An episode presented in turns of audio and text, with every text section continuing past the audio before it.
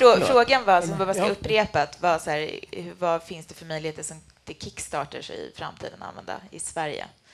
Ehm, I Sverige, ja, det finns redan. Eh, Simon Stålenhag gjorde ju det till exempel för sin bok och sen så blev det upplockat av Matt Reeve i USA. Men jag hörde, ja, i USA är det jättevanligt och jag undrar Men varför vad, man inte gör vad det mer. heter... Iron Sky, dem. Nej, men Midsom... Vad heter de? Gud. Nej, nej, nej, nej. Midsommar. Den här katastrof... eh, invasionsfilmen. Hjälp mig. Midsummer.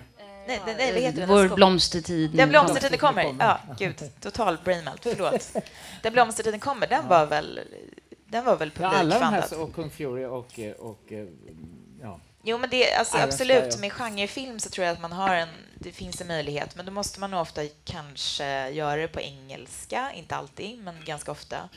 Och eh, det är ju fortfarande en, eh, det här med, det finns ju väldigt många exempel på det i bokvärlden nu också, där ganska ofta man caterar till en nostalgipublik som består mycket av män födda på 70-talet som minns, minns när de spelade rollspel. Ehm, och det är alltså, inget ont om det, det är, det är toppen liksom. Eh, men eh, det gäller ju att hitta den där, vilka, vilka är beredda att öppna på plånboken.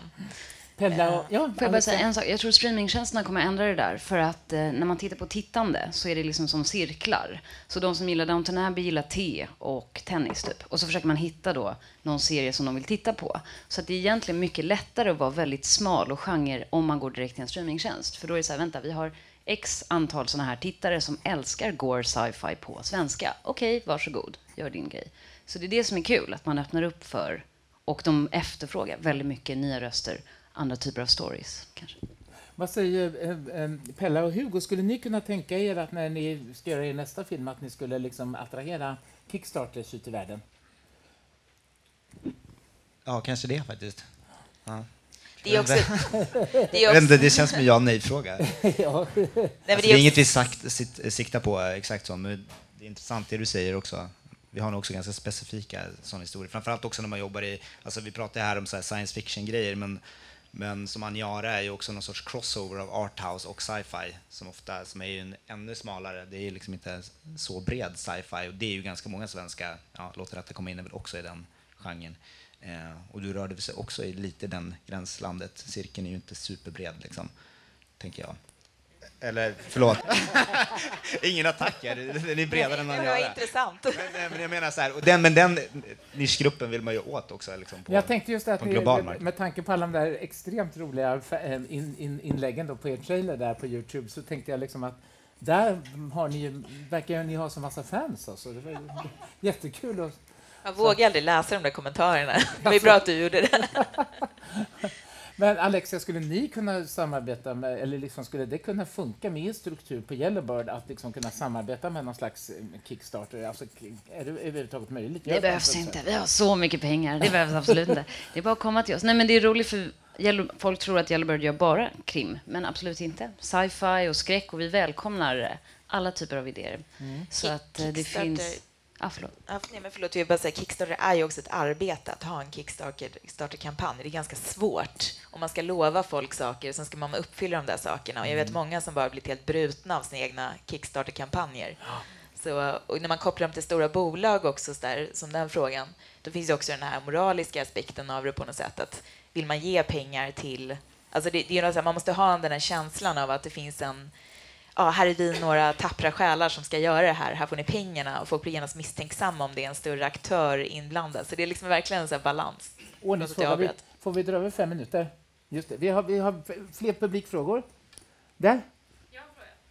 Eh, Så min fråga är från både producentsidan men också författarsidan. Om ni har funnit att det finns eh, gemensamma faktorer som underlättar adaptionen. Det kan vara finansiella faktorer, samhällsfaktorer. Vad kan det vara? Hörde ni frågan längst bak? Vem vill svara? Eh, oj. eh, nej, men eh, det är en stor fråga. Eh, men eh, det är ju fördelen när alla drar åt samma håll och vill göra samma film. För det är ju inte alltid det är så från början.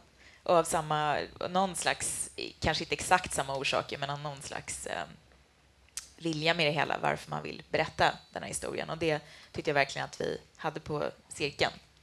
Eh, men, eh, ja, alltså svårt, svårt att säga. Det kan, ju alltid, det kan alltid gå snett, även med de bästa förutsättningarna. Men, eh, men jag tror just det där att man har en gemensam vision på manus, regi, producent. Det är ju verkligen en, en, ett guldläge, tycker jag. Jag kan Alexia? säga några gånger när det inte går så bra. Ja.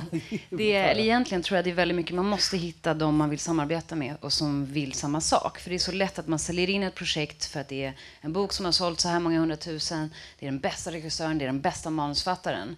Men inga, alla springer åt olika håll. Och då blir det ju liksom, eller så här, ah, vi säljer in den, vem ska skriva den? Och då har man ingen aning. Så det är liksom ett, man måste ha sitt team, som, för det tar fyra, fem år att göra. Så man måste verkligen liksom göra det tillsammans.